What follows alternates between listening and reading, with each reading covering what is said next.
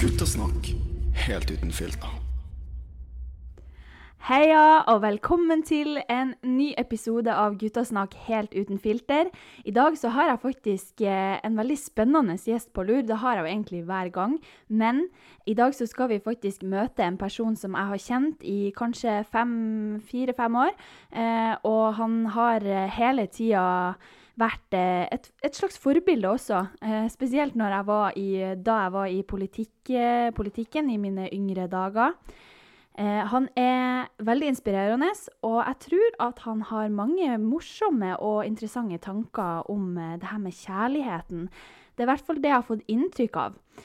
Og da skal jeg ikke si så mye mer, Brynjar Andersen Saus. Velkommen.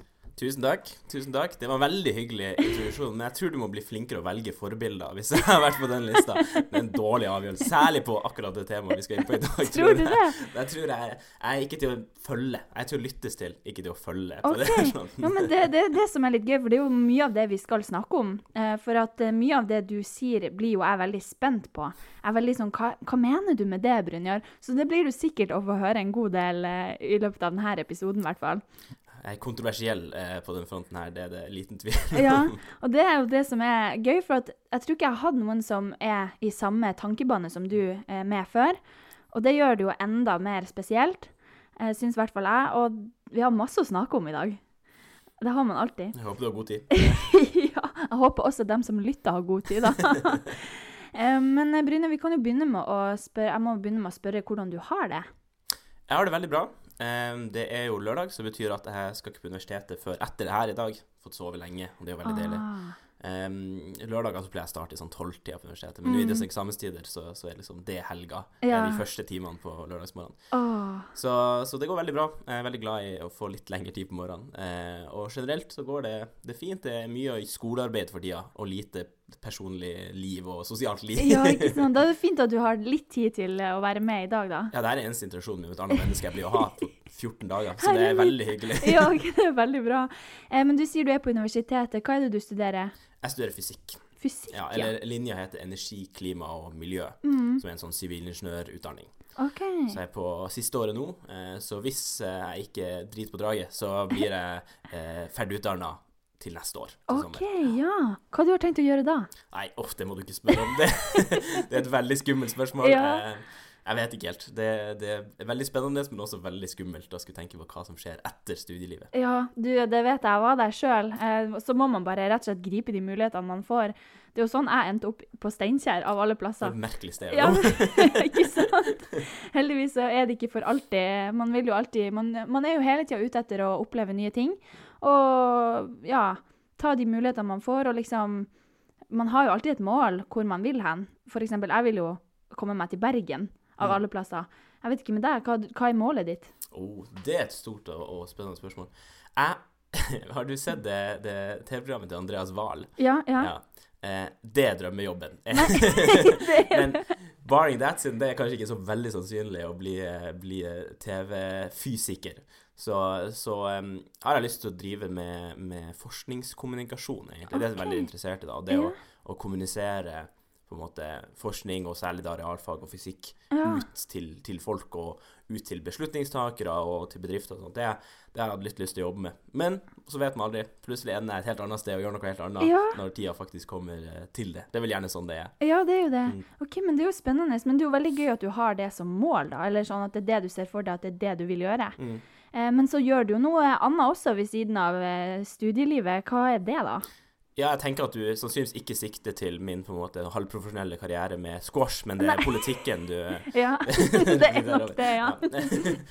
ja, nei, jeg sitter i kommunestyret i, i Tromsø for Arbeiderpartiet, eh, og har drevet med politikk siden jeg var ja, egentlig 15 år, mm. eh, men begynte med partipolitikk da jeg var 18. Ja.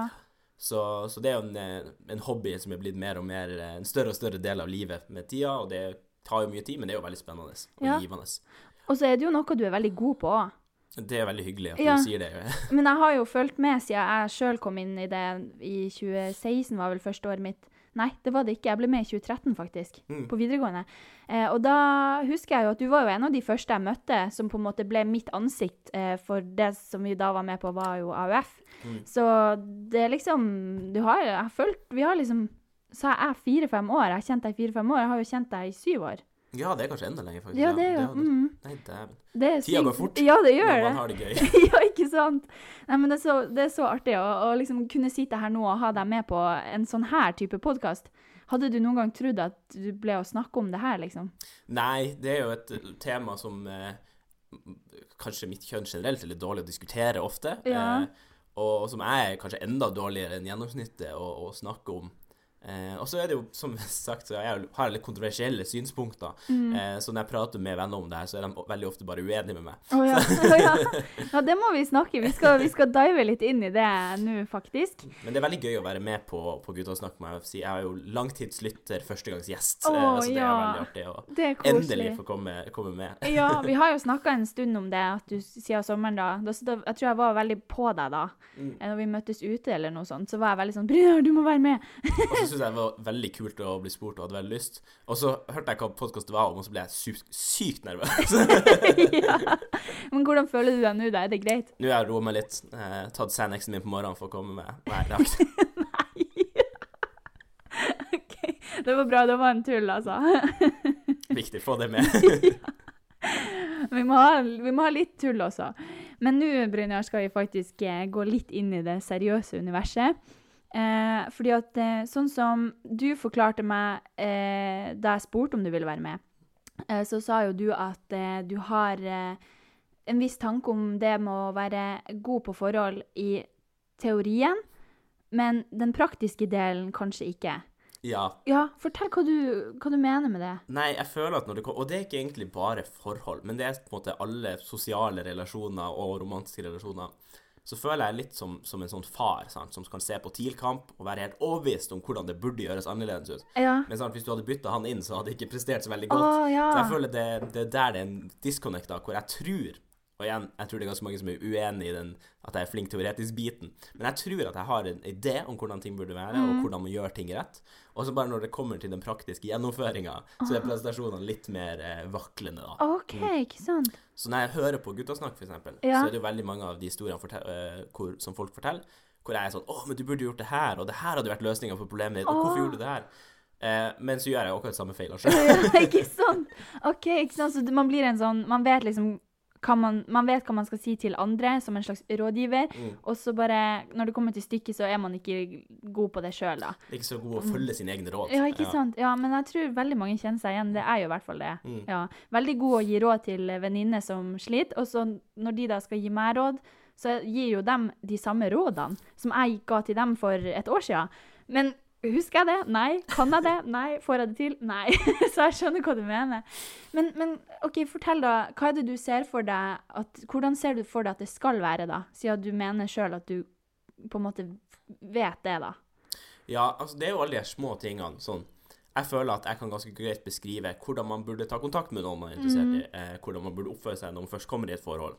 Ja. Hvordan man burde oppføre seg i den litt sånn merkelige mellomfasen mellom å begynne å holde på eller møtes og bli kjent, og, og havne i et ordentlig forhold hvor man har etablert at det er det man er. Så liksom det, den, de reglene, da, eller, eller eh, styresettet for hvordan man burde oppføre seg, okay. tror jeg jeg kan beskrive ganske godt. eh. Det blir jo spennende å se hvis vi skal svare på noen spørsmål Mm. etterpå, om, jeg, om, det kommer, eh, om det kommer godt med der, eller om eh, det er en overdrivelse. Ja, ja. um, og, og det er jo det som er så interessant, for jeg vil gi en shout-out til en tidligere gjest av deg, Elise Berg, Ja. som jeg ikke kjenner, men Mm. som hadde, eh, som jeg forstod det, slått opp med kjæresten sin, og så har de bodd i lag Ja. i en måned. Ja. Og jeg satt der og var sånn, hva faen er det du tenker på? Det kan du Hvorfor? hvorfor? Eh, og da hadde jeg, jeg hadde så lyst til å spørre henne mer om det. Sånn, hvordan ender du i en så absurd, ukomfortabel situasjon? Ja. Em, så, så sånne ting, som måte reagerer på andres situasjon, da, Mm. eh, det syns jeg, jeg synes det er veldig gøy. Ja. eh, å diskutere andres sitt kjærlighetsliv. Ja, det, ja, det kan være gøy. I hvert fall hvis de åpner opp om det. Mm. Ja. Og du får alle detaljene og deres synspunkter på ting, da. Ja. Så det, det Og det er jo veldig givende med, med å, å diskutere det på denne arenaen, er at man, eller å lytte til denne, det her podkastet, at man får liksom de her inputene fra masse forskjellige historier, Ja. og så får man på en måte gjøre opp sin egen mening om hva folk burde gjort, og, Ja.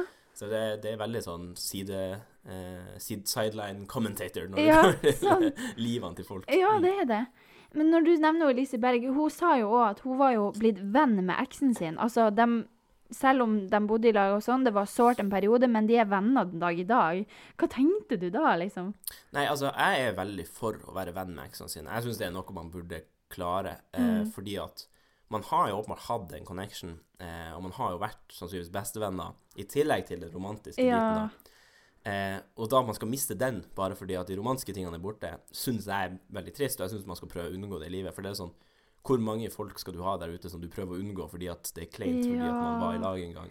Det er sant, Brynjar. Så jeg er veldig for det at hun ble venn med eksen, men kanskje bare ikke bo i lag. Det, det syns jeg er en merkelig avgjørelse. ja, det var sikkert vanskelig å finne ut av ting da. Altså, sånn, det er jo litt sånn når man, når man slår opp etter å ha vært sammen og bodd i lag, at man må jo, man, av, man må jo flytte ut, liksom. Mm. Og da er det jo det her, alt det der, man må finne ut hvor man skal flytte. Man, vil, vil man bo i kollektiv alene? Vil man flytte hjem til pappa og mamma? Altså, det er jo det er så mange ting man må tenke på etter et brudd, da. Ja, det er en veldig tung logistisk prosess, eh, Mm. i tillegg til at det å slå opp er tungt. Ja. Så det er veldig mye som må ordnes, Ja. eh, som bare gjør det enda verre. Og Derfor tror jeg veldig mange utsetter for lenge. Ja. At man er i et forhold som ikke fungerer, og så venter man egentlig altfor lenge med å ta den avgjørelsen. Og selvfølgelig, hvis man er gift og har barn og sånt, så det, da bør man kanskje ta, være litt forsiktig med å ta den avgjørelsen da. ja. Men, men sant, i den type forhold som man er i vår alder, eller mange er på vår alder, så tror jeg mange holder ut for lenge. Ja. At man egentlig er i et forhold man mistrives i, eh, fordi at det er så ukomfortabelt og tungt og vanskelig å slå opp. Ja. Så utsetter man det, og så blir det egentlig bare verre og verre jo lenger man venter. Ja. Um, men jeg tror også det er lettere å være venner etterpå hvis man avslutter det tidlig nok. sant? Ja. For det er jo gjerne de siste par månedene da hvor det begynner å bli kjipt, og hvor man krangler mye, og hvor man egentlig ikke passer godt sammen lenger. Så blir man uvenner i løpet av det, og da, når man da slår opp, så er det veldig vanskelig å være venner igjen, fordi man har blitt uvenner først. ja, det er det, ja. Så man burde jo egentlig bare gi seg på topp når det begynner. Ja, ikke sant? Nei, men når du sier det her, er det, er det noe du har opplevd sjøl? Kan jeg spørre om det? Mm, nei, det, jeg tror at uh, Altså, sikkert delvis, men det er jo en veldig prosess, det her å ta nervøs. avgjørelsen. Dette er et godt eksempel på at eh, jeg har et veldig sterkt standpunkt på at man skal gjøre det tidlig, men jeg vet ikke sjøl om jeg venter for lenge, eller Ah. hvordan man har den diskusjonen. Fordi at jeg har ikke nok innsyn i mine egne følelser til å forstå de prosessene. Ja, ja. Um, så jeg vet ikke, men jeg tror til en viss grad at man alltid eh, burde være tidligere ute med å prate om ting når ting er vanskelig. Ja. Og, og jeg er veldig dårlig generelt til å prate om ting. Eh, så det har nok vært den største utfordringa sånn sett for min del. ja. At jeg ikke prater om ting før det plutselig kommer alt på en gang, liksom. Men hvorfor tror du at du ikke gjør det, da? Nei, at det inkluderer jo ukomfortable samtaler, og man Mm. vil jo helst bare ha det enkelt og godt eh, hele tida. Eh, og når man da eh, er i et forhold hvor man trenger å prate om ting, så, så utsetter vi egentlig bare problemet og lar dem bygge seg opp. Og, Mm. Og så er det jo dårlig gjort mot den partneren din, som du ikke gir tilgang på, på følelsene dine og på livet ditt, som dem er en så viktig del av. Ja. Da har de jo på en måte en viss rett til å vite hva du tenker og føler om ting, da. Ja. Den der klassiske Du må kommunisere og være ærlig. ja, for det Eh, er, jo det, det er jo det de sier, forskere og eksperter og alt sånn, at kommunikasjon, det er det alt handler om. Mm. Men eh, hvorfor er det så lett å kommunisere med liksom venner da, fremfor den ene personen som du deler egentlig mest av livet ditt med, der Mm. og da? Hvorfor, hva tror du er grunnen til det, liksom? At man det åpner seg opp for venner, men ikke selve partneren, da? Ja, jeg tror kanskje det er at det er en ekstra press. Mm. Fordi at et vennskap kan liksom ikke gå galt på samme måte. Ja, ja. Når man slutter Eller det kan jo, selvfølgelig. det kan det, ja, ja. Men når man er i et vennskap, og det på en måte man ikke kommer så godt overens lenger, så glir det bare fra hverandre. Det er Mm. ingen sånn 'nå må vi ta en avgjørelse på å ikke være venner lenger'. Så derfor er det ingen risiko med å prate om ting. Ja, Det er en grense for hvor dårlig en, en kjip samtale kan gå. Mm. Eh, mens i et forhold så har du jo på en måte et endepunkt, du har en konsekvens. Eh, så derfor tror jeg at bare presset er høyere Ja. eh, i den type samtaler. Og jeg tror det er kanskje litt kunstig at man har lagt et sånt press på seg sjøl, Ja. forventningen man har, skaper et sånt press som ikke trenger å være der. Og det her er, det her er en av de kontroversielle standpunktene jeg har, som alle er uenig i, men jeg mener at et, et romantisk forhold er i realiteten bare et veldig, veldig godt vennskap med en fysisk komponent i tillegg. Altså okay. de to tingene plussa sammen Ja. er kjærlighet, og det er ikke noe Veldig mange mener at det er en tredje ting der som er den romantiske biten. Ja. Jeg tror bare det er summen av de her to.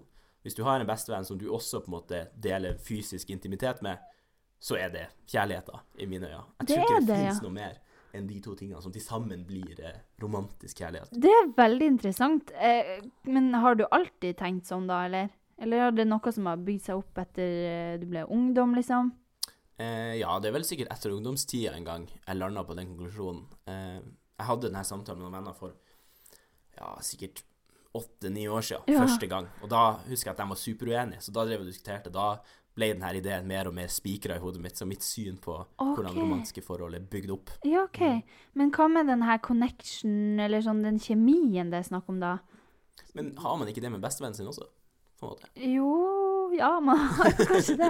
Ja, men nei, man, man blir jo litt sånn nysgjerrig når du For det er jo et syn som jeg ikke har hørt før, som jeg ikke engang har tenkt over engang. For for meg så er liksom kjærlighet det er jo det som sikkert veldig mange andre tenker òg, at det liksom er Da er det liksom den, den ene connection som bare er sånn Det er dere to. Man blir liksom svett av å tenke på denne personen, altså på en god måte. At det kribler i magen og alle de der tingene. At den, den personen bare skaper en slags reaksjon i kroppen din da, som gjør at du blir helt gal etter bare den personen. Mm. Du tror ikke på det, liksom. Jeg tror på Altså, det tror jeg uten tvil på, Mm. men jeg tror de tingene er resultat av de her to eh, aspektene. Ah, sånn, ja. Og, og for eksempel eh, i går senest så fant jeg ut, eh, litt sånn med en tilfeldighet, at bestekompisen min som ikke bor i Tromsø for tida, Mm. var tilbake i Tromsø. Oh. Og da ble jeg så glad. Da fikk jeg litt den her kriblinga med oh, ja! og, og så fikk jeg møtt han i går. Det var Ja. kjempehyggelig. Eh, så jeg tror den er på en måte en, en del av det er fra det venneforholdet, et sånn sykt godt venneforhold, og den Mm. andre er den her fysiske komponenten som har en del kjemiske konsekvenser i kroppen som Ja. fører til kribling og nervøsitet og sånn. ja. Eh, så jeg, jeg tror at eh, til sammen så er det bare de to tingene som eksisterer i et okay. romantisk forhold. Ja. Em, og så kan du jo si at de to til sammen er større enn summen av sine parter, da. Ja. Men, eh, men jeg tror fortsatt ikke det er noe ekstra. Det er ikke noe magisk oppå det. Nei, okay. ja, men det er gøy å høre. Nei, for man har jo på en måte blitt introdusert til kjærlighet siden man var liten, når man så på Disney-filmer, Askepott og Tornerose, alle de der. Eh, sikkert i Mickey Mouse også, som er med Omini, ikke sant? Mm. Så man har jo hele tida på en måte blitt introdusert og, og Hva heter det da? Altså man har fått øynene opp for hvordan man tror det skal være, da, eller sånn at det her er fasiten på kjærlighet. og og på filmer så er det jo, i hvert fall de tegneseriefilmene, så legges det jo til mye sånn ekstra touch sånn med hjerter og sånne ting, så man på en måte skjønner at ok, dem to er forelska i hverandre. Mm. Eh, og en forelskelse er jo også noe veldig spesielt, og veldig mange sier jo at det er magisk. Mm. Eh, men man vet jo ikke egentlig kanskje da hva magisk betyr, for det er kanskje ikke et ord egentlig. Det er jo bare et oppfunnet ord fra eventyrene, da. Ja, magi er vel bare ordet vårt for ting vi ikke klarer å forklare. Ja. Og det at man ikke klarer å forklare det, betyr ikke at det ikke eh, er en helt normal mm, del av virkeligheten og fysiske komponentene i, i et forhold, for eksempel, da. At, at den magien er nok bare et resultat av at de her to tingene i lag er veldig sterke aspekter av livet. Altså, vi har en, eh, et sosial komponent i, i hjernen vår og i hvordan mennesker er, som er veldig, veldig sterk. Og så har vi en fysisk sånn tiltrekningsdel Ja. som er veldig sterk. Eh, og man har forhold hvor man bare har én av dem, og så har man forhold hvor man har begge, og da blir det på en måte den her magien. Men jeg er litt sånn Og det her er et annet kontroversielt standpunkt, men jeg, jeg, jeg syns alltid når folk på en måte må legge noe ekstra til ting Når man er sånn Nei, men det er ikke bare de her to merkbare, forklarbare tingene, det er noe mer. Mm. Så undergraver man virkeligheten litt. Det For- mener du. Mm. Ja, er ikke denne verden og denne virkeligheten vi lever i, god nok? Uten at du må trenge å finne på magi og monstre og enhjørninger for Ja, å gjøre den større og vakrere. sant? Ja, Vi lever i en fantastisk verden med fantastiske følelser og fantastiske opplevelser. Fantastiske ting å se og høre og, og få være en del av. Det burde jo holde. Man Ja. burde ikke trenge masse ekstra og late som det finnes noe som ikke finnes, for å gjøre den bedre enn det den er. Okay. Syns den er god nok som den er. Ja. Til verden, hvis du har dårlig selvtillit for tida, du er god nok som du er. ja. Å, det var fine ord fra deg, Brynjar. Og så er det jo litt sånn interessant, da, hvis eh, lytterne har noen andre meninger rundt det som du forklarer. Eh, for da vil jeg gjerne høre hva de tenker om det. For det får man jo Jeg får jo av og til tilbakemeldinger på at eh, hva lytterne har tenkt om det jeg har sagt, eller det gjestene har sagt i en episode. Det er ikke alt jeg deler med offentligheten heller, for det er jo litt sånn jeg videresender det kanskje bare til gjesten og sier sånn Det her fikk jeg nå nettopp, hva tenker du om det? Og så blir det en slags dialog der, da. Mm. Bare for å diskutere litt. Og det er jo veldig gøy. Um, så derfor vil jeg oppfordre lyttere som uh, hører uh, på det han Brynjar sier, og er litt sånn Får noen tanker, om dere er enige eller uenige. Jeg vil egentlig høre om, om det, og hva dere tenker, for det er interessant å høre. Og hvis lytterne dine er oppegående, velfungerende, velfungerende mennesker, så er de sikkert uenige med meg. Tror du? For det er det du opplever at folk er da? Generelt tror, tror jeg folk er oppegående og velfungerende, selv om man kan eh, få inntrykk av at det ikke er det når man lever et singelliv i liten Ja. by som Tromsø. Det er mye, mye folk som eh, ja, har spesielle, spesiell oppførsel, da, Ja. eh, innser man. Eh, men Brynjar, du, eh, du har jo vært i forhold sjøl. Eh, hvordan vil du beskrive deg i et forhold? Mm, ja, det er vel egentlig noe eh, dem jeg har vært i forhold med, hadde vært flinkere til enn en jeg er. så jeg håper at de er enige. Men jeg tror at jeg er eh, For å ta det positive først, så tror jeg at jeg er ganske eh, oppmerksom kjæreste. Jeg tror jeg kan bruke mye tid på å på en måte forstå en partner og prate med dem og, og være litt sånn tilgjengelig emosjonelt og, og, og være lyttende, da. Og jeg tror jeg er relativt OK på å på en måte oppfylle behov og prøve å gjøre ting og, og gjøre hyggelige små gester, da. Mm. Så det er den positive sida. Mm. Jeg tror den negative sida eh, så, så er jeg ikke så god, som nevnt, til å prate om egne ting. Så jeg er ikke, selv om jeg lytter, så kommer jeg ikke med så mye sjøl, da. Okay, Ja. Eh, og litt sånn Jeg blir bare publikum og bare en støttepartner for den personen, ikke, som ikke gir så mye av meg sjøl tilbake. Og så tror jeg jeg kan være litt sånn Jeg blir veldig fiksert på ting. Så hvis jeg f.eks. sitter og jobber med noe på skolen som jeg syns er vanskelig eller interessant, så kan jeg forsvinne litt inn i den verden, Ah, og så blir jeg litt sånn utilgjengelig eh, for, for en partner, da. OK. Eh, og det tror jeg kan være slitsomt å forholde seg til når man føler man ikke får kontakt, fordi Mm. Ikke at jeg er mer opptatt av noe annet enn det forholdet akkurat nå. Ikke sant. Men det er jo Jeg vil jo på en måte si at det er helt normalt at man, spesielt hvis man er student, da, at man er veldig opptatt av å sitte på skole og jobbe med det. Altså, det kan jeg forstå. Men eh, så er det jo liksom Man kan jo ikke ta hensyn til den andre parten hele tida. Mm. Altså, er du på skolen, så skrur du jo gjerne av lyden på telefonen og vil fokusere. Det er jo forståelig. Mm. Det mener i hvert fall jeg. Og, og da burde man ikke på en måte Man burde ikke få ha, Ikke hat, men man burde ikke få liksom skyld for det, da. Mm. Eh, og ja, jeg vet ikke om du, hva du tenker om det, liksom. Det er jo sånn det er, bare. Ja, og jeg tror det er eh, helt rett som du sier, at, det er på en måte den andre negative På andre sida av det er de her folkene som må ha oppmerksomhet hele tida, og at man på en måte alltid skal være eh, kommunisere og være tilgjengelig for andre. Og det tror jeg heller ikke er noe sunt. Nei. Så jeg tror det er en mellomting der som er en rett løsning, hvor jeg kanskje går for langt den ene veien, og en del folk kanskje går for langt den, den andre veien. Ja. Um, men men det, til syvende og sist så handler jo det her også, som alt, om å kommunisere og prate om hvordan behov har jeg nå, hvordan behov har jeg for oppmerksomhet, eller for å ikke gi oppmerksomhet en stund. Ja. Um, og, og det jeg tror jeg er veldig dårlig å si fra hva, hva jeg ønsker, ja hva jeg trenger. Ja. Jeg bare håper at de skjønner det, eller bare er vanskelig til jeg får det som jeg, jeg trenger. Og hvis jeg trenger tid til å jobbe med noe, Mm. istedenfor å si det, så bare setter jeg meg i jobb og, og lar dem på en måte prøve å få kontakt og prøve å overse, eller ja. Så det, det er jo en utfordring, og det går jo tilbake til det å prate om seg sjøl og sine følelser og sine behov er, er noe som man sikkert burde være bedre på. Ja. Mm. Og det er jo derfor jeg vil utfordre deg litt nå. Um, og spørre deg fra den andre sida igjen, for nå har du forklart hvordan du tror du er i et forhold. Mm. Uh, og, men tilbake til liksom deg som person. Hva er det du trenger av en partner i et forhold?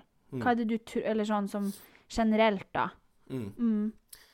Nei, altså det jeg på en måte ser etter et forhold, som kaller det, er jo den her bestevennen. Mm. Som du bare Som ting er superenkelt med, og man ikke Altså, ting trenger ikke å være så vanskelig, og man, man er litt sånn på linje, og man forstår hverandre, og, og tilpasser seg hverandre enkelt, da.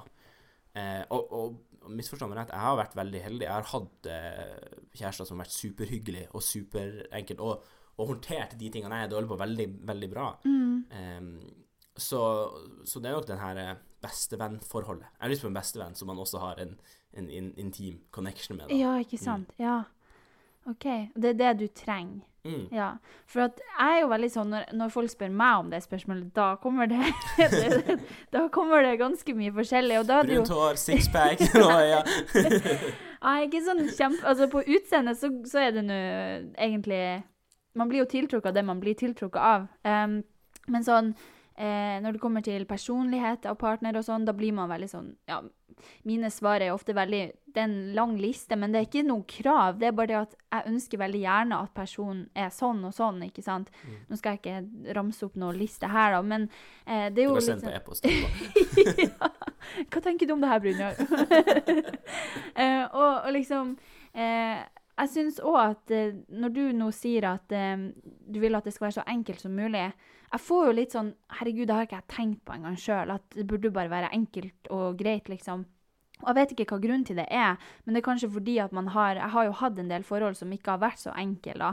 Det har vært mye komplisert. Det blir eh, altfor mye følelser fra begge parter som ikke samsvarer, som ikke lager en eh, god nok miks. Og da merker jeg veldig fort at det, jeg vet ikke om det er min feil engang. ikke sant? Og det er det som er så Jeg syns det gjør det vanskelig. Eh, så jeg vet ikke hvordan det er å ha det enkelt. Mm. Eh, hva er å ha det enkelt, liksom? Jeg vet ikke om du har noe svar på det? Nei, det er vel sikkert kronspørsmålet. Hvordan gjør man forhold til en enkel greie? Ja. Eh, men jeg tror eh, til syvende og sist det handler litt om at man, eh, selv uten å kommunisere, forstår hverandre. Hvis man er litt lik, og man har litt de samme behovene, og man har litt sånn en, en innebygd empati med folk. Mm. For det er jo sånn, og det gjelder jo også utenfor romanske forhold. Noen folk skjønner man veldig godt. ja. Noen venner har man som er sånn Jeg vet nøyaktig hva de trenger akkurat nå. Jeg vet hvordan de føler det akkurat nå, selv om de ikke sier noe. Jeg vet eh, hva de tenker akkurat nå, uten at de trenger å fortelle det til meg. Og den tingen over i et romantisk forhold gjør alt mye lettere. ja. Hvis man bare kan forstå hverandre på, en, på et enkelt vis, da, og ikke bruke så mye tid på, på misforståelser og, og, og ikke connecte på ting, og, og måtte Mm. bruke mye innsats på å forklare ting som de ikke skjønner seg sjøl, ja. det tror jeg gjør ting vanskelig. da. Du setter opp barrierer for deg sjøl. Det er det som er. Mm. Mm. Og, og det er, vil alltid være utfordring i forhold, til. At det, man vil alltid møte ting som er vanskelig. Men de tingene er veldig mye enklere hvis man ikke trenger å bruke veldig mye tid på å desperat prøve å forstå hverandre. Ja, eh, klart. Fordi man er så ulike, eller ikke får til Ikke har den connection, da. Ja. Og det er jo litt det også som du nevner nå, da. At det er jo på en måte den personen man vil finne. Det er jo den personen man vil ha, der det ikke trenger å være sånn så utfordrende, og at man faktisk løser det på den måten at det går lett, da. Mm. Det blir som en dans som aldri slutter, på en måte. Mm. Der man ikke trår på tærne til hverandre og sånn, ikke sant? Mm. Metafor her, ja. Solid. Ja. Norsklæreren din ville vært stolt. ja. Så den, eh, den, den kan jeg forstå veldig godt. Og ja, man tenker jo mye på det. Jeg tror det er en grunn til at jeg holder meg singel nå. Mm. Fordi at man på en måte Jeg vil liksom finne ut Klarer jeg å gjøre ting enklere for meg sjøl, for gjør jeg det, så blir det også enklere i et forhold også, tror jeg. Mm. Og det har, man jo, det har ikke jeg hatt mulighet til på de siste fire årene. da, liksom det har liksom bare gått i ett, da. Eh, Og det, må, det skal jeg bare helt ærlig innrømme, at jeg har jo på en måte vært innom Ja. Ja, for, for nå har jeg jo på en måte Jeg kjenner jo ikke ditt eh, følelsesliv, men jeg har fulgt deg, og for, Mm. på sosiale medier får man jo med seg hva Ja. alle gjør hele tida. Men jeg føler kanskje at du har vært en sånn person som på en måte går fra at du oppsøker alltid nye forhold. Du er veldig glad i å være i forhold og Mm. ønsker å være i forhold. ja. Eh, så føler du at du da kanskje ikke har fått så mye tid til å bli kjent med deg sjøl. Det er akkurat det. Mm. Mm. Det har du helt rett i, og jeg har fått høre det så mange ganger, eh, også imellom forholdene, at nå må du være litt alene og finne ut av ting. og ja, eh, Spesielt av eh, mine nærmeste venninner også, de er jo helt på det der. Må du skjerpe deg, ta det litt med ro. Og jeg hører dem, men skjer det? Nei. Jeg vet ikke hva det er. Jeg tror det bare er litt sånn at jeg, jeg må ha en person å bry meg om, i hvert fall. Eh, og da er det litt vanskelig med venninnene mine som da ikke bor det der jeg bor. Og da, da må jeg liksom finne en annen person som kan få den oppmerksomheten som jeg må Som jeg har en Jeg må gi, bare. Det er Mm. liksom Det er noe rart med det, altså. Eh, men faktisk eh, så har jeg fått eh, muligheten nå, når jeg bor alene på Steinkjer, faktisk til å ja, tenke litt mer. Jeg er mye mer alene enn før. Og jeg tror det er veldig godt for meg. Og Mm. det er veldig, veldig viktig i livet mitt akkurat nå. Og det er derfor jeg har liksom fått innsett at jeg trenger jo ingen. Fordi nå, nå får jeg fokusert på meg sjøl så mye mer enn jeg noen gang har gjort, og det føles sykt deilig. Mm. Når du har så mye kjærlighet å gi, så det kan jo være en idé å gi litt av den kjærligheten til seg sjøl Ja. det. Poetiske som jeg er. ja. Men jeg tror altså, og der er kanskje en måte jeg er litt annerledes enn mange andre, da, er at jeg mener og syns at For det her er nok et kontroversielt standpunkt. eh, men at forhold i seg sjøl er en negativ ting. Det å være i et forhold syns jeg er en negativ ting i seg sjøl. Det er sånn, Hvis jeg får velge mellom å være i et forhold og ikke være i et forhold, gitt ingenting annet, hvis du ikke vet hvem personen er, så vil jeg alltid velge å ikke være i et forhold. Det er en bedre livssituasjon, syns jeg. ja. Men eh, så har jeg vært så heldig at jeg har tidligere møtt folk som er såpass kul, Ja. eh, og som på en måte jeg synes, som jeg har hatt såpass god connection med at det har vært verdt å være i et forhold, selv om det å være i forhold er noe negativt. Okay. Så det er på en måte, når jeg skal være i et forhold, så må den, den personen jeg er i et forhold med, eh, komme over den barrieren at, at det er verdt å være i forhold med dem, selv om jeg i seg sjøl syns at det å være i forhold er en kjip greie. Jeg vil helst unngå det. Men hvorfor, Brynjar? Jeg vet ikke. Det, man må liksom drive og ta hensyn til en annen person. Ja. Man må drive og planlegge rundt en annen person. Man kan ikke bare gjøre det man vil. Altså, et forhold er jo egentlig et sett med, med kompromisser og regler man setter sammen med en annen person. det. Ja. Når du ikke er i et forhold, så trenger du ikke de reglene. Da gjør du det du sjøl har lyst til til enhver ja. tid. Og jeg syns det er en bedre livssituasjon, sånn gitt ingenting annet. Mm. Eh, men så møter man de folkene som, som er så fantastiske at det er verdt å ofre den delen av livet for å, for å være i et forhold med dem. ja. Men, men det å være for seg sjøl, det er jeg ikke noe fan av.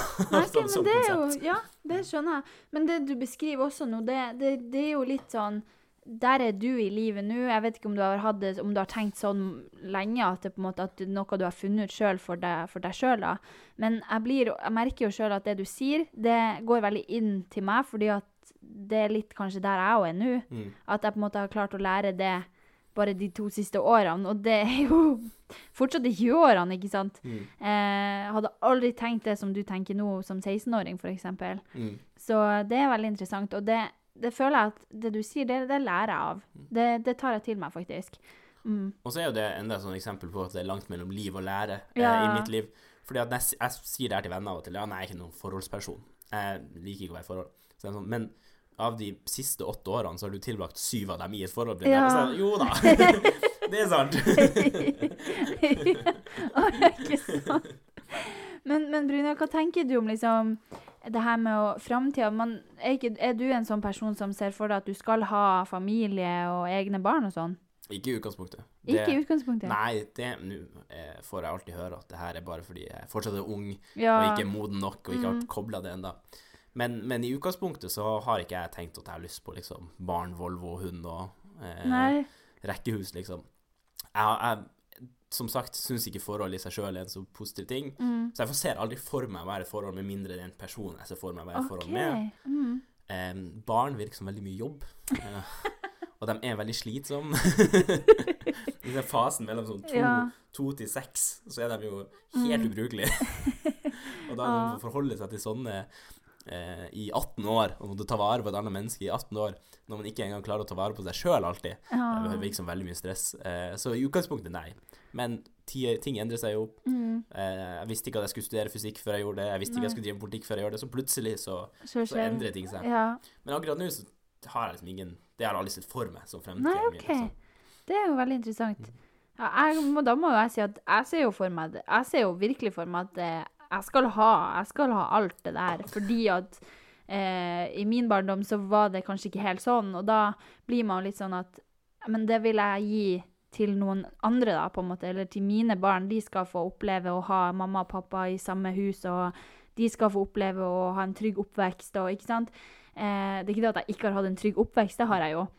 Men jeg vil liksom bare gi Jeg vil gi på en måte den sjansen som jeg ikke fikk gjennom ja, å ha en stor og tett og nær familie. Det vil jeg på en måte gi videre da til noen, noen da. Det blir jo mine egne barn, Mm. ikke sant. Så derfor har jeg den ideen om at det her må jeg få til, da. Eh, så er det jo spørsmålet om det blir å skje, for det Mm. vet man jo ikke. Plutselig så Ja, som du sier, ting endrer seg. Altså, så det er jo litt gøy. Da sitter vi her med to forskjellige framtidsplaner, eller uplanlagte framtidsplaner, som kan endre seg ganske fort, ja. Mike Tyson sa, alle har en plan til en blir slått i trynet. Og det. ja. så.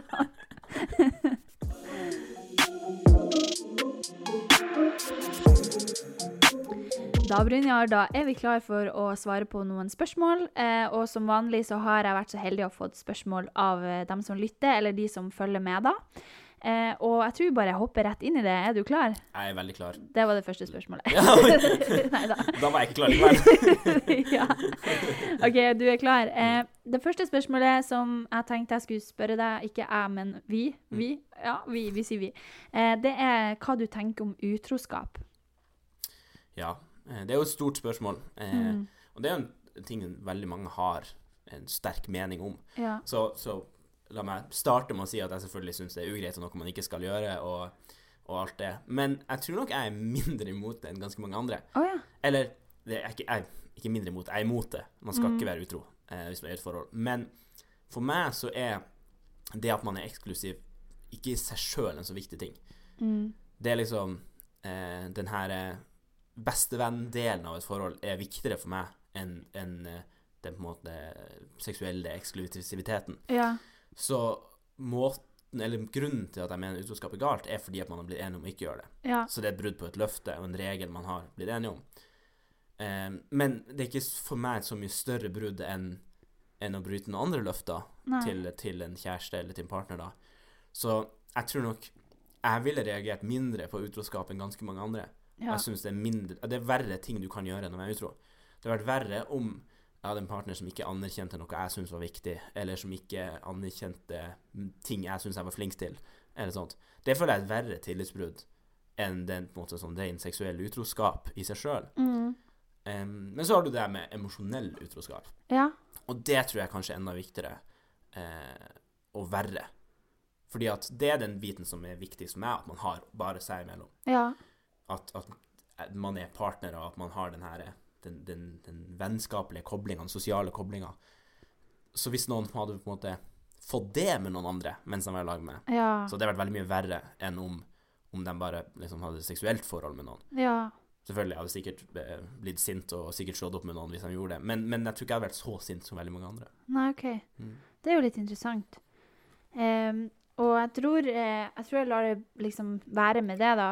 Eh, fordi at det liksom Utroskap er jo veldig Det kan diskuteres i det uendelige, og det er vanskelig.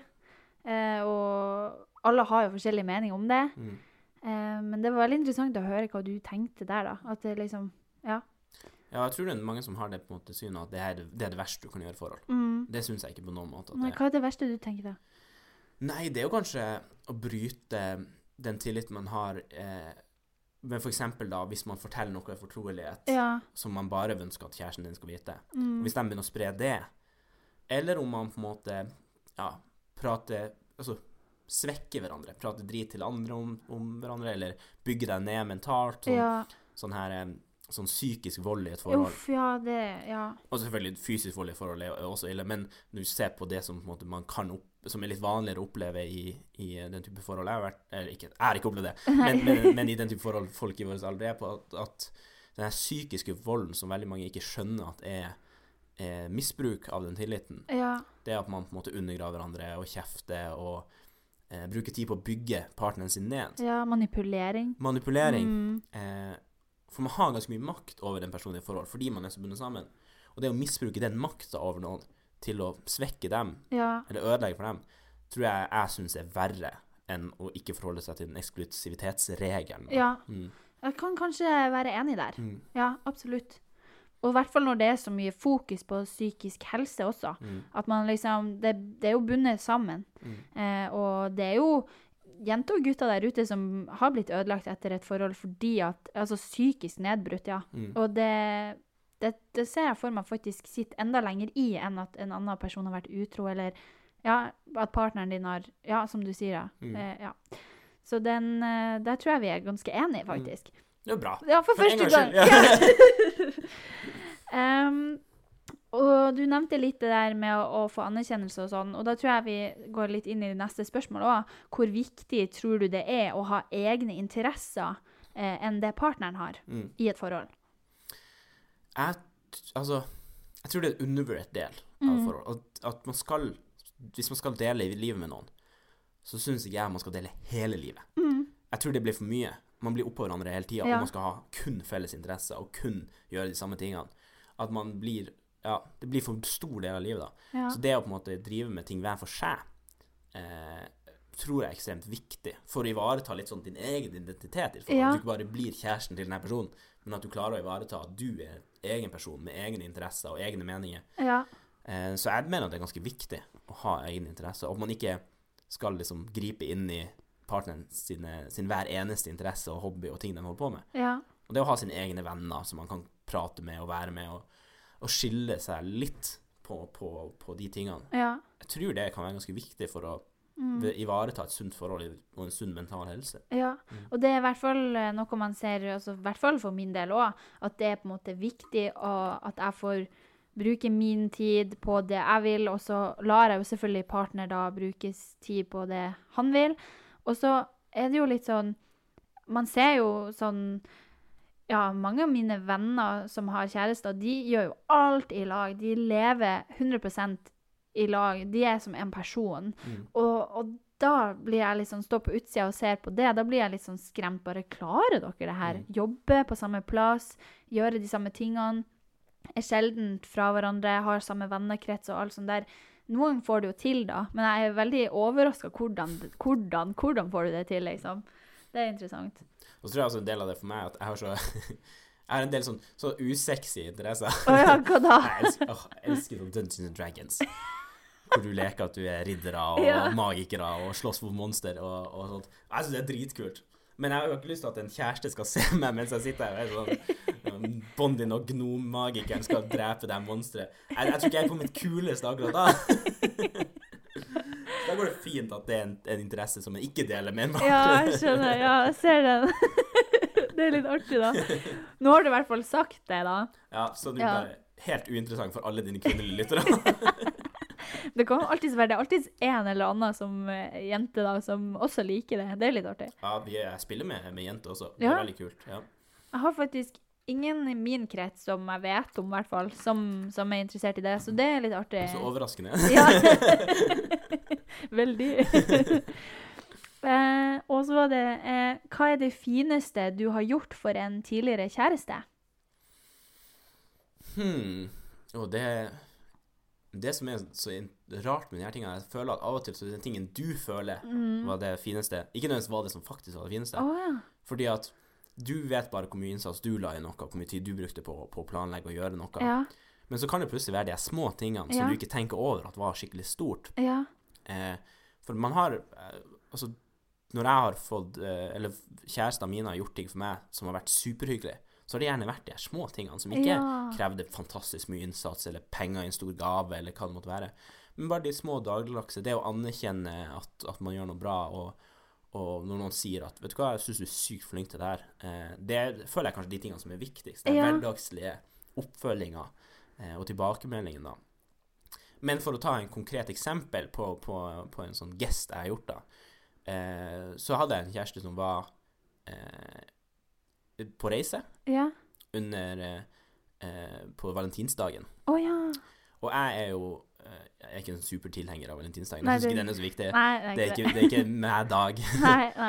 Men, men jeg visste at denne kjæresten var mer opptatt av valentinsdagen enn jeg var da. Mm. Eh, så da reiste jeg til stedet de var, og overraska dem på, på, i en hotellbar hvor de satt med det de, de var med da. Og var sånn 'Hallais, her er jeg'. Oi! Da, det husker jeg, det var jeg litt stolt av. Da følte jeg Ja. nå gjør jeg god kjæreste med henne. Solid innsats.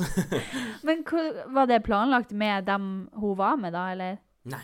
Nei, OK. Det var, det var eh, Det verste var at liksom rett før eh, så drev, drev vi og diskuterte at ja, vi blir ikke være i lag på valentinsdagen, det er kjipt og bla, bla. Ja. Jeg var sånn Nei, det går nå bra, det tåler vi. Får nå finne på noe når vi kommer hjem. Ja. Og så var jeg sånn Jeg kan ikke si noe. Og så ble det litt sånn dårlig stemning av det. Oh. Jeg var sånn, men jeg, jeg har en overraskelse, Ja. og jeg kunne løst det problemet hvis jeg sa det. Oh. Men jeg vil utsette den overraskelsen til, til når jeg plutselig dukker opp, da. Og jeg tror det var verdt det, selv om det var en kjip krangel der og da, Å, liksom. Brynjar, når du forteller det der, da må jeg faktisk bare fortelle noe.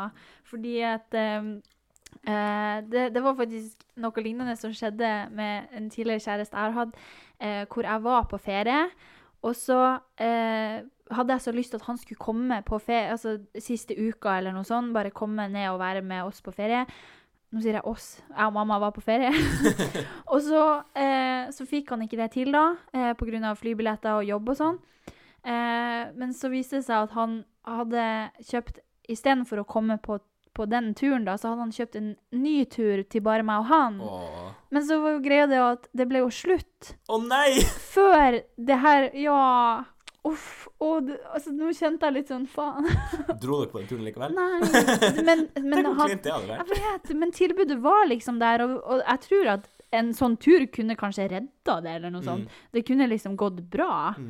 Men da var jo jeg så sta. Jeg var sånn Nei, det er slutt. Vi kan ikke gjøre det da. Og det er jeg helt enig i. Ja, du kan ikke men- reise på ferie med en eks fordi man kjøpte den før man slo opp. Ja, men det var liksom rett før. Det, liksom, det, det, det, var liksom Det er snakk om to ukers, to ukers perspektiv her, liksom. Så det, det, det suger skikkelig å tenke. Når du sa Ja. det der, så tenkte jeg faen. Det, det, det er liksom det at du, du Det blir liksom uggen stemning, som du sier, fordi at eh, Nei, det, du liksom Du må holde på den hemmeligheten. Og, og det var jo det som skjedde med oss også, for han hadde kjøpt det der greia, men han var litt sånn utilgjengelig når jeg var borte. Så var jeg sånn Men hallo, snakk med meg, hva skjer, liksom? Jeg trodde jo det var noe galt. Mm. Og så var det bare sånn Nei, du får vente og se, da. Så var jeg sånn Ja, men hva skal det bety, ikke sant? Og så var det det, og så ble det slutt. Altså, nei. Åh, Du ser deg for meg en situasjon du- kommer hjem og sier vet du hva, vi må snakke sammen, det er over. Og så sitter han med flybillettene og er sånn ehm, eh, Åh, nei. eh, Overraskelse! oh. Men det som, når du sier det, da, må, da må vi faktisk få historien riktig, for det, det ble jo faktisk ikke slutt da jeg kom hjem igjen. Det ble Mm. slutt mens jeg var på ferie. Å nei! Ja Vet, slo du opp over telefonen, Silje? Ja! Nei! Og, Nei! Jo, og vet du hva, jeg tenker på det, tenker på det så ofte at det, det er det dummeste. Mm. Altså, men, men sånn ting skjer jo bare, og du får ikke tid til å liksom tenke fordi det er så intenst der og da, og det kunne vært gjort annerledes. Det er jo det man tenker i ettertid, liksom. Det, det der skulle man ikke gjort. Og Mm. jeg har lært av det, jeg skal aldri gjøre det igjen. For det Altså, et, et forhold som har vart så lenge, og så gjør du det på den måten, nei, fy Mm. det er ikke greit, og jeg vet det sjøl, men det tok meg lang tid altså, å bare bearbeide det der. Det var dårlig gjort av meg, og det innrømmer jeg, og det angrer jeg ordentlig på, altså. Men jeg får jo ikke gjort noe med det, liksom. Det er jo for seint nå. Ja, ja det er jo det. Jeg hadde en kompis som ble slått opp med via Snapchat. Det er det, er det verste. Og da er du borte etterpå. Han forsvinner etter ti sekunder, liksom. Det, Ja, Nei, er herregud. Uff, a det, det er ikke greit. Snapchat, oh, det burde ikke brukes til den, det formålet i det hele tatt. Ja, det burde i hvert fall ha en sånn videosamtale. Ja. Uff, åh. OK, nå nå går vi videre. Å, jeg ble varm. Em, hvordan, neste spørsmål, selvfølgelig. Eh, hvordan ville du gått frem dersom du skulle Hvordan ville du gått frem dersom du skulle prøve deg på ei jente? Jeg tror det her er en person som egentlig er ute etter noen tips, egentlig, så det er bare å gunne på. Nå ser jeg for meg en key som sitter på en bar og er sånn Svar fort! Hun er på vei å gå. uh, nei, det er jo Jeg vet ikke. Det å prøve seg på noe føler jeg er blitt så annerledes i disse dager. Ja. Både på grunn av at man Jeg føler mange gjør det Altså, du ser på sosiale medier. Hvis det ikke på en måte er sånn one night stand på byen-opplegg, men, men man skal kommunisere med noen, ja. så er det med å prate på, på Snapchat og, og alle de her eh, som ungdommene bruker. Eh, så jeg føler at den har på en måte endra seg veldig. Og nå, under pandemien, i disse Ja. pandedager, eh, Ja, pandedager. så, så er det jo enda liksom Det er enda færre man møter fysisk. Og det er jo steg én, er jo å møte noen. Det er jo veldig vanskelig å prøve seg på noen uten å ha møtt dem. Ja. Så hvordan man skal gjøre det eh, Nei, det er vel Ja, hvis det fantes en hemmelig, magisk måte å gjøre det på, så, hadde, så kan ikke jeg den, i hvert fall. Nei. Men jeg tror det å bare ta kontakt, vise interesse, og alltid være interessert i det den personen er interessert i. Ja. Mm. Eh, det å på en måte spørre spørsmål om ting de interesserer for. Jeg har en kompis som er bare den beste i verden på det her med å være interessert i den andre praten. Ja. Uansett om han blir blanke F i det, så kan han liksom gjøre seg sjøl engasjert og være skikkelig med og spørre spørsmål. ja. Er det, det genuint, da? Ja, det blir det. Ja, Han det blir skikkelig engasjert. OK, så bra. Ja. Og så kan vi gå etterpå og prate, og så er han plutselig kjempeengasjert i Ja. den tingen som han satt og hørte på for første gang for fem minutter siden. Ja, ikke sant? Så den, den evnen da, til å ta på alvor noen andres interesser og være interessert i det For det er jo det minst sjarmerende i verden, er når du sitter og prater med noen, så merker du at de ikke bryr seg Ja, vet Om- du det. Mm. noe som er skikkelig viktig for deg, og som Ja. du syns er spennende. Så det å være interessert i personens interesser, og det de syns er viktig, Det tror jeg er på en måte alfa og omega når man skal, skal prøve seg på noen, da, hvis man skal Eh, kalle det, Mm. bruke det begrepet. Ja. Um, og det her er verste er jo folk som bare prater om seg sjøl. ja, du, ja. Ja, unngå å prate om deg sjøl eh, så mye som mulig. Bare hvis de viser interesse og spør, så selvfølgelig fortell, eh, men de folk som setter seg ned på en første date og skal bruke to timer på å fortelle hvem de er, Ja, ja, det føler jeg fungerer veldig dårlig, da. det gjør det. Mm. Det tror jeg òg. Og det har man faktisk, når du sier faktisk det her med å sette seg ned på første date Det er bare å se på første date på TV, så vet du i hvert fall hva du ikke skal gjøre. Det er mange Ja, man må bare si det. Altså, nå, nå er det sånn gratis reklame på første date, men, men de, de folkene som er med der, de, er- de er kult. De, de er kule som tør å, gjøre det. Men det er jo litt sånn det er jo bare å se på alle episodene. Det er mange dater på en episode Mm. som du følger med på. Og du, du merker fort at uh, Ja. De er fett ubrukelige. ja men, Unnskyld. Til alle deltakere på første date, beklager, dere er sikkert fantastiske mennesker. Og jeg skjønner at den settinga er sikkert et vanskelig sted å ha en første date, men men det har vært noen svake prestasjoner det der, da. det, det har det. Det kan man si. Det kan man understreke, faktisk. Og, og, men det bare der kan man faktisk hente litt lærdom, da. Mm. Fra, for der har jeg bemerka meg en spesiell episode. Jeg husker ikke hvordan episode, men jeg tror det var sesong to. Eh, der det var en, en gutt som var veldig interessert i det jenta fortalte. Og sånn her, og han satt jo i den der eh, på sånn synk når de sitter og snakker alene. Så fortalte han jo hva han syntes, og han var veldig interessert og engasjert. Mens hun, hun var den kjedeligste personen. Altså, hun sitter og har, altså For det første, hun snakker veldig monotont, veldig sånn kjedelig. Og i tillegg så sitter hun og liksom eh, spør ikke spørsmål tilbake. Så det var ikke noe sånn ordentlig dialog heller. Så Brynjar, det er bra du sier at eh, vær interessert og sånn, men da, da gutta Husk at jenter også må spørre spørsmål og vise interesse tilbake. For det, ja, det er en gutt som har stilt det her spørsmålet, det kan jeg jo si. Jeg sier jo ikke hvem. Men bare liksom husk at det er ikke bare du heller som skal vise interesse. Jenter må også gjøre det. Hvis ikke så Mm. Know your worth, queen, alle Yes. gutter der ute. ja, det var bra sagt. Eh, det var de spørsmålene jeg har fått inn, eh, Brynjar. Så det, jeg håper at du føler at du har fått svart eh, godt på dem. Jeg håper jo at eh, lytterne dine føler at jeg har svart godt på dem, Ja, og at de føler at mm. de har lært noe.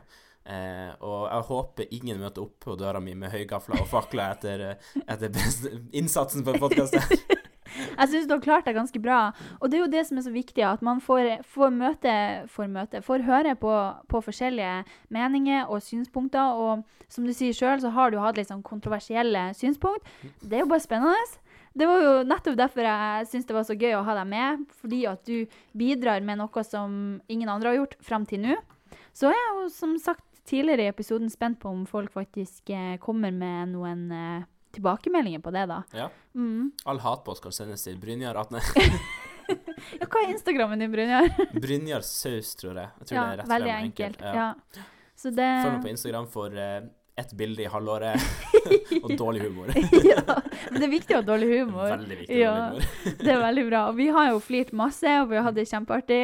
Eh, og jeg må bare si tusen takk for at du har vært med. Det har vært kjempegøy å ha deg her. Ja, tusen takk for at jeg fikk komme. Det er jo veldig gøy å, å få prata litt om sånne her ting, og, Ja, og få plugga litt eh, sosiale medier og Mm. sponsorer og sånt. Kanskje det blir noe. kjøp Red Bull på din nærmeste Rema 1000. Bruk kode 'guttasnakk' i kassa for å få et rart blikk og bli kasta ut av butikken gratis. Perfekt! Det er akkurat det jeg vil.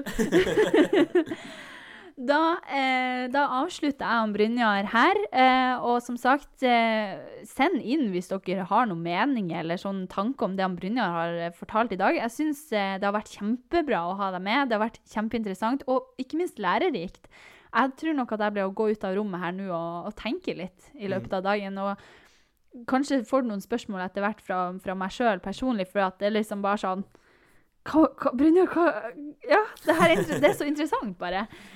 Så bra. Ja. Det så bra at du syns det. og så syns jeg det er så fint at du har åpna litt eh, opp om eh, hva du tenker, og, og hvordan du sjøl er i et forhold og sånn. Det er veldig interessant å høre. Um, og eh, jeg håper jo, Brynjar, at eh, kanskje du er med igjen seinere, for at det, ting endrer seg jo, og da Selvfølgelig. Stiller Mm. alltid opp. Ja, ja.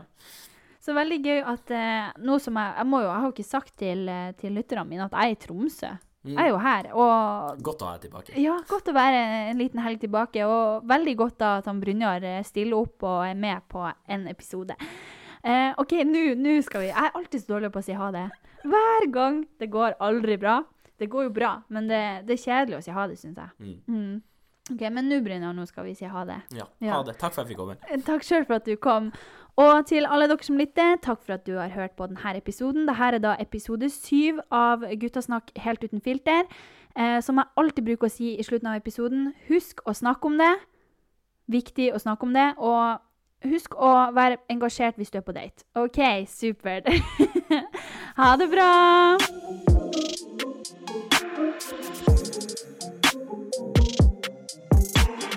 Guttasnakk helt uten filter.